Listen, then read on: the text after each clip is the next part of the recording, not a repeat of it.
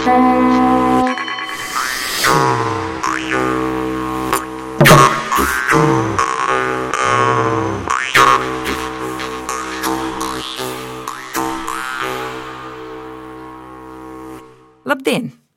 Folklora un īpaši gadsimta jaunībā, cik nu toreiz sapratu, bija vienīgais stabilais, kas pieturēja pie dzīves. Tā vēstulē mums raksta Inita, un tieši ar šiem vārdiem gribu iesākt tradicionālās kultūras raidījuma laika ritu raksti, jo priecājos, ka jums patīk dziedāt kopā ar mums tautas dziesmas, atcerēties savu vecmāmiņu teikto un šķetināt mūsu senču gudrības grāmatu tautas dziesmas. Par tām arī runāsim šīs dienas raidījumā, proti, par krāsām tajās. Latviešu folklorā ir vairākas savstarpēji saistītas krāsu grupas. Iepriekšējos laika ritu rakstos runājām par balto un melno krāsu latviešu tautas dziesmās. Bet kāpēc šajā pamatgrupā bez baltās un melnās krāsas tiek ierindota arī sarkanā? Noskaidrosim raidījuma gaitā. Bet vispirms iepazīsimies ar šī raidījuma viesņu, folkloristi Janīnu Kursīti. Labdien! Labdien! Un šodienas raidījuma temats ir sarkanā krāsa latviešu tautas dziesmās. Raidījumu vadīs Iveta Medene. Tā eglīte man patika, hei, kam sarkani skuju galie. Tā meitiņa man patika, hei, kam sarkani vaigu galie. Kam sarkani vaigu galie, kam dzeltani matu galie. Tur stāvēja mans prātiņš, tavu matu galiņā iet.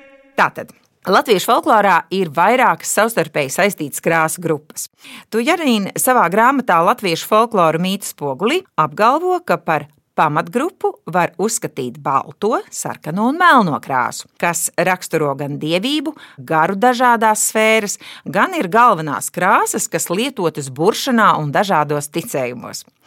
Cik tad, tavuprāt, sens ir šis trejkrāsu izmantojums? Gan no mūsu folkloras spriežot, gan no citu tautu folklorām, tas ir vissanākais.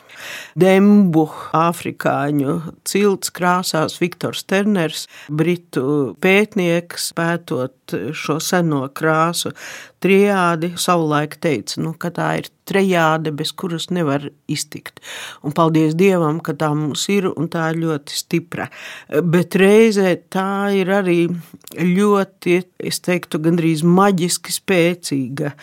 Nākot uz rādio, domājot par krāsām pa ceļam, ienāca prātā vairākas lietas, ko droši vien būtu labi, ka arī klausītāji uzrakstītu ka krāsām ilgāka laika gaitā izveidojas tāda attieksme, no kuras mēs netiekam vaļā. Man prātā vienas paziņas teiktais, ka kādreiz viņa lasījusi lekciju un e, bijuši dažāda vecuma cilvēki, un e, viņa lasījusi to starp par sarkano krāsu. Un kāda sieviete dusmīgi teikusi, lai viņas klātbūtnē sarkano krāsu nepieminu, jo viņai tā saistās ar komunismu. Tad es sāku domāt, pirmkārt pašai 99. gads, kad Rīgā bija salūts, un tādas kā sarkanas piecstūru zvaigznes gaisā lidoja šai uguņošanā, un es domāju, man iekšēji bija nepatīkami, bet es pārēju pārvarēju to, bet es varu saprast, ka kāda ornamenta zīme kādai tautai saistās ar smagu pārdzīvojumu, un tāpat arī krāsa var saistīties.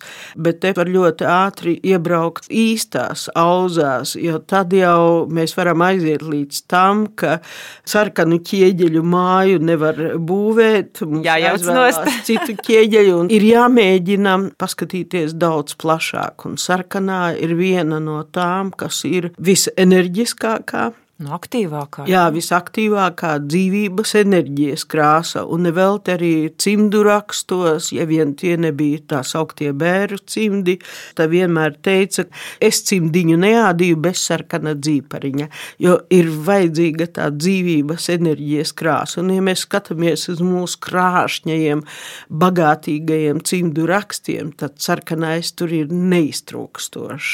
Nu, bet dzīvē vienmēr vajag dzirkstelīti. Vai būtu interesanti dzīvot? Var, nu, ko, gan laulībā, gan ar bērniem, jā, gan ar nu, vecākiem tā. cilvēkiem kopā. Jā. Bet, Janīna, atgriezīsimies tomēr pie tās sarkanās krāsas etimoloģijas. Vārds sarkans atvasināts no īpašības vārda sarks, sarķis, sarķe, sarkanīgas krāsas zirgs, vērsis vai govs. Jebkurā gadījumā tas ir mantots vārds un mantota indoeiropiešu sakne. Tā tā ziņā esam droši, ka tā ir gan nosaukums sens, gan krāsa sena. Tikai runājot par sarkano, mēs tagad iedomājamies tās krāsas, kas ir nu ir spilgtas, īsti sarkans, ja?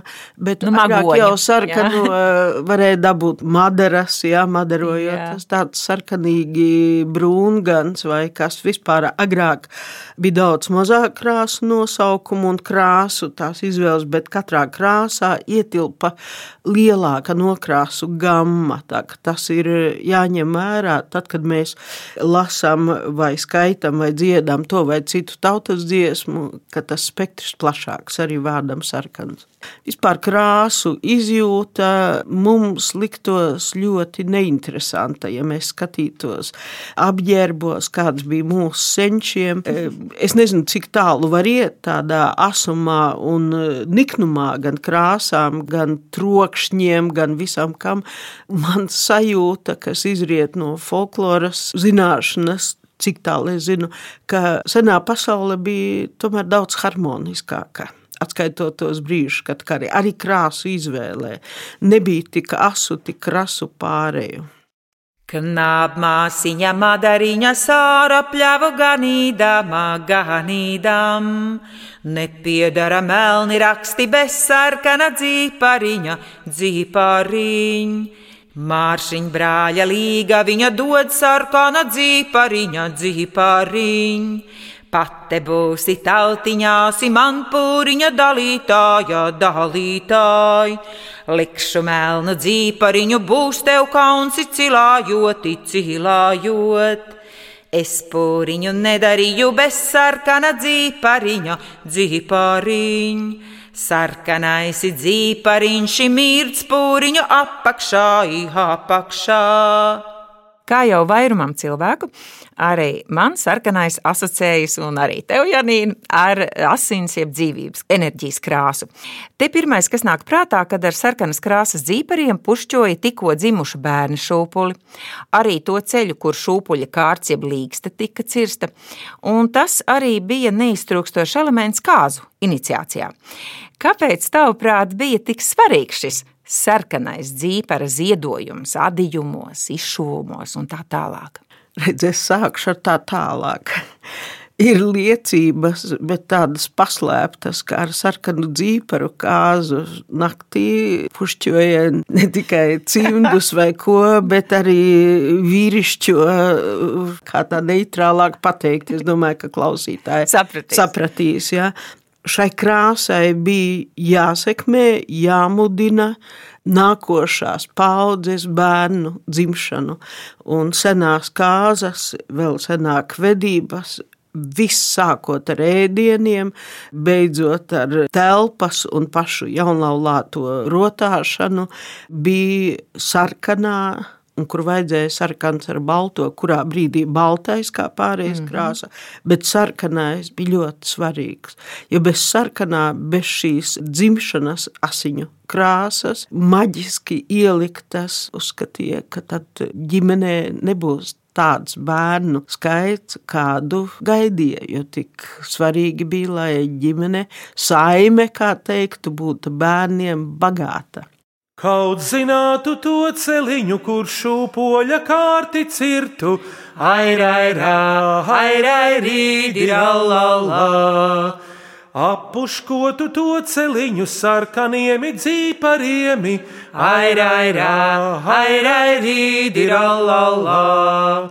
Sarkaniem dzīpariem, vara naudas gabaliem, airairā, airairīdi, allalā. Janīna, kas ir domāts ar tām tautas dziesmām, kurās ir minēts sarkans mutauts vai nēsdaugs, ko laima iedāvina meitai? Jā, ar sarkanu, kā pārējais krāsu, no vienas puses, es nezinu pat kā to izstāstīt, lai klausītāji nepārprastu. Jo jebkuras kāzas tā arī bija nomiršana. Nomiršana vecajai dzīvei, iepriekšējai, ne vecajai, tā teiksim, iepriekšējai. Bet tā ir vecā dzīve, jā, sāks jau kaut kas jauns. Nu, jā. Un e, ir vesela virkne tautas dziesmu par to, ka laima vai māra līgavai vai līgavainim vai meitai, kuru līgavainis tikai nolūko, dāvina sarkanu mutautiņu. Un liktos, nu, tā drusku neumolīga sajūta. Mīļa māra man iedeva sarkanu zīda, neaizdodziņa. Apkārt bija mīļi vārdi, vidē bija mansirsniņa. Iedot kā pārējie zīmi, bet kā zīmi nākamajai auglībai. Savā ziņā tas bija pazemojoši, ja sievietei vēl tajā brīdī, līga vai ne sieviete, neiedot šo sarkano lakatiņu, tas būtu kā zīme, ka tev nebūs bērni. Un senajā sabiedrībā tas nebija kā mūsu sabiedrībā, kā grib tā izvēlās. Tā bija savā ziņā kauna zīme, ka tu nebūsi pilntiesīga sieva, jo mēs zinām, ka īsti par sievu sauca tikai tad, kad precētāji nu, piedzima bērni. Un jā. arī pati nevainības zaudēšana tautas dziesmās attēlota kā sarkana rožu vainega vai noņemšana vai iekrišana upē. Tec, tec daugaviņā sarkanām putiņām man iekrita pārējot sarkans rožu vainadziņš. Teci, teci, daugā viņa, teci, teci, daugā viņa, sarkanāmi putiņāmi, sarkanāmi putiņām.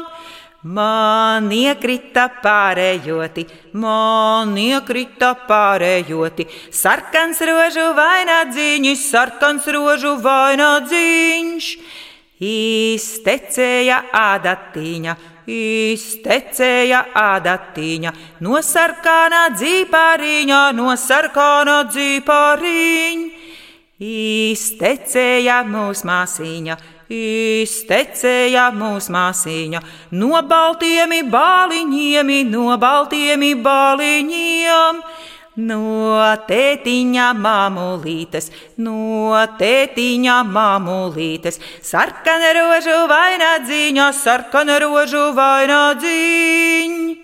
Janīna vai sarkans simbolizēja atzimšanu arī bēru rituālos. Bet arī pati viņa saule, kas ar iniciāciju pārējais rituāliem saistīts, ir tāds īpatnējs dziesmas par peli, kas nokļūst viņā saulē. Tad tai viņā saulē Pele sarunājas ar vecumāti, jeb ar pirmāti, jeb ar māru, citiem vārdiem. Prasa, kā viņa tur viņā saulē ir izdzīvojusi. Un tad viņa saka, Pele, ka apziedus sevi ar sviestu. Tātad dzīvības šai gadījumā ziede nēdiens, kuru paņēmusi vecas mātes tīnītē. Un kur tie iema veco mote? Nusorkonis raguļētis no sarkanās ragainītes. Tā ir viņas saules govs. Govs, kā pati māra māras veidols, tādā mājas dzīvnieka formā, zoomorfiskā svešvārdu lietojot, govs kā tā, kas dod dzīvību un reize arī ņem dzīvību. Latviešu pasakās par to ir. Un sarkana te ir kā šī pārējais krāsa. Viņā saulē nav viss, kā varētu iedomāties, melns, fiziskā zeme vai balts, kā nemateriālais, bet tur ir arī šī sarkanā, kā pārējais krāsa. Un neaizmirsīsim, arī sarkanais ir ne tikai dzīvības enerģijas krāsa, bet arī dzīvības enerģijas zaudēšanas krāsa. Karā lietās asinis, noslapkavoto bojā gājušo asinis. Nevelti, kad pie debesīm redzēja kāvus, īpaši to sarkano krāsu, teica, ka karā kritušie, nonākušie debesīs. Tā man tā kā, arī vecmāmiņa teica par tiem kāviem. Tieši tā. Un parasti to skatīja par nelāgu zīmi uz kariem jauniem vai kādām sērgām. Līdz ar to var teikt, ka jā, sarkans no vienas puses ir pozitīvi aktīva, enerģiju veicinoša krāsa, no otras puses pārāk aktīvā veidolā, tā var liecināt par savstarpējo agresivitāti.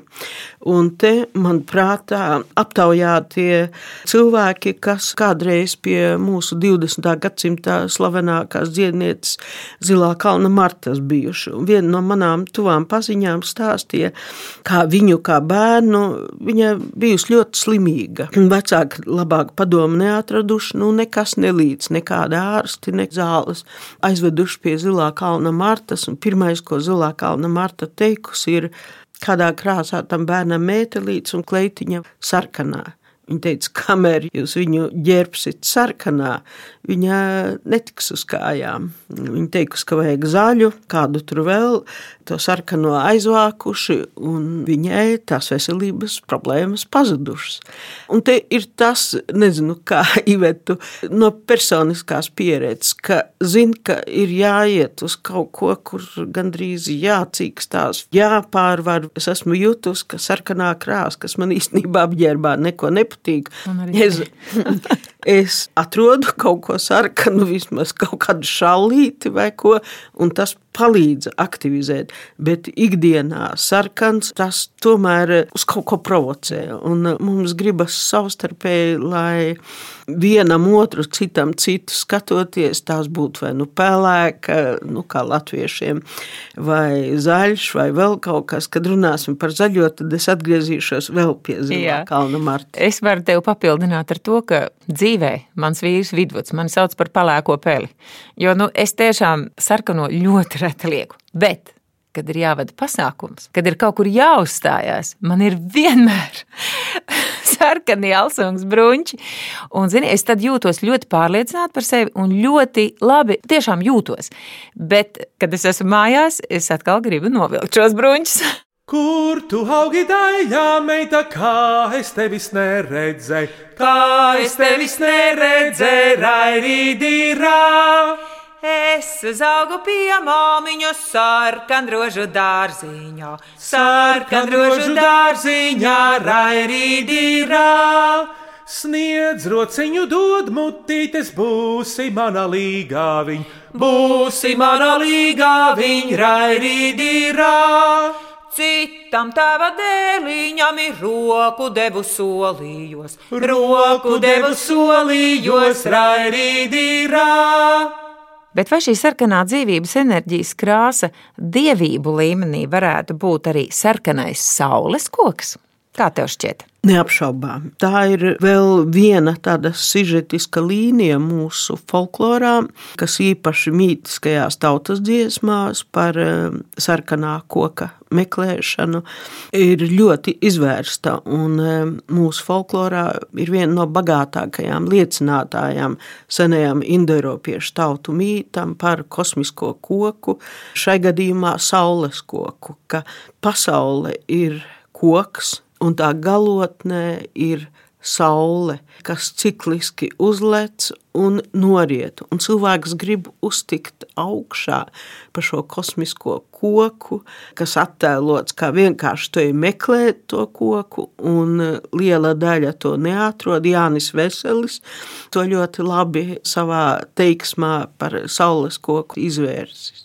Kā kāds to atrod, bet kas ir tas, ko var atrast? Tu vari ieraudzīt saules pārdabisko, dievišķo spēku, drīzāk tā tā ir maģiskā zināšana par pasaules ciklisko gaitu, ko tu atrodi. Bet katru dienu, kad tu ies meklēt, tu nepadarīsi ikdienišķo darbu, šo sarkanās krāsas enerģiju iemiesojošo saules spēku vai atslēgu uz to, kā paņemt mazu daļiņu enerģijas sev, pirmkārt varēja meklēt un cerēt atrast vasaras saulgriežos, kad saule ir visaugstāk pašā šī kosmiskā koka galotnē.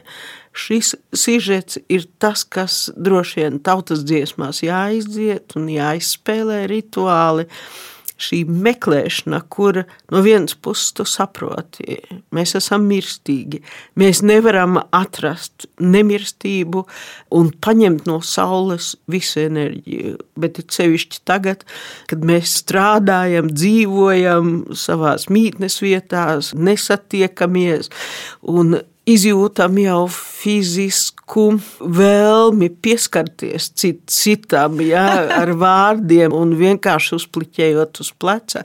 Es domāju, daļiņa no šīs enerģijas ir jāmeklē, izējot saulē un kaut vai iztēlē, mēģinot iziet saules koka meklēšanas ceļu, sākt jau pirms jāņem. Šorīt agri saule lēca sarkanēja kociņēje, rārīdirā, sarkanēja kociņē. Jaunas meitas gudras bija to kociņu paglabāja, rārīdirā, to kociņu paglabāja. Jauni puiši veci tāpat to kociņu meklēdami, rārīdirā, to kociņu meklēdam. Es atradu ganīdama to kociņu lapojoti, rārīdirā, to kociņu lapojot.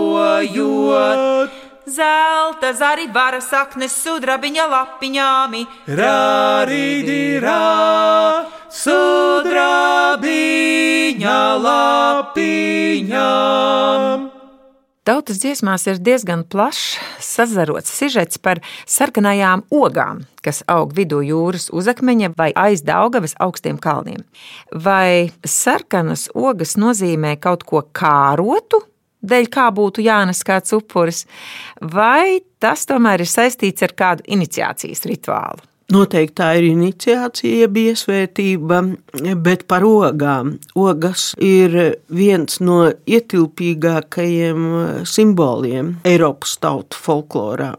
Atcerēsimies gan mūsu pasakās, gan vācu, gan citu tautu pasakās, ka pamāta sūta pameitu ziemas laikā uz mežu ogas lasīt, liekas, kāds iespējams. Un ogas iedomājās parasti, ka tās ir sarkanas krāsas. Un eh, sarkanas krāsas ogas, tā ir dzimuma gatavība, tātad pameitu sūta mežā savā ziņā. Tā ir īstā māte, bet meitai ir pienācis laiks, laiks iziet mm -hmm. pubertātes, ja pusauģa, tālāk jau dzimuma gatavības pārbaudījumus, un viņai vienai ir jāsaprot, kā pie tā nonākt, kā to princi galu galā atrast vai pūru sagādāt, un tāpēc šī meitene tiek saukta par bārenīti. Nu jā, mātei, lai kā sāp sirds, ir jāatgrūž tas bērns un jāgatavo pieaugušo dzīvē. Un um, saules asaras vai saules ogas vidū jūras saliņā vai arī kokā vai puķē, tā arī ir tā pāreja vai gadskārtai vai saules cikliskai noejai un atkal ausmai. Tur ir vesels sazarots sižetu loks, par to pētniekiem ir ko lauzīt galvu, bet pie reizes ir ko priecāties, jo mūsu tautas dziesmas ir saglabājušas līdzīgi kā senindiešu vēdas, slāņu slāņas no seniem laikiem. Ne viss mums šodien ir iespējams saprast, bet ir kaut kas, kur tu nojauti to virzību un dziļumu un arī spēku. Jaunās meitas nezināja, kur sarkanās ogas auga, aiz daugavas augstī kalni, tur sarkanās ogas aug aizdaugavās augstī kalni, tur sarkanās ogas auga, tā saulīte nolasīja, tecēdama rietēdam. Par sarkanās krāsas nozīmi tautas dziesmās ar folkloristu Janīnu Kursīti turpināsim runāt nākamajā tradicionālajā kultūras raidījumā Laika ritu raksti. Skaņu režijā Rēnis Budze un Māris Lācis. Raidījumu vadīja Iveta Medene. Dziesmas, kurās minēta sarkanā krāsa dziedāja Iveta un Vidvuds Medeņi. Uz sadzirdēšanos nākamajos Laika ritu rakstos.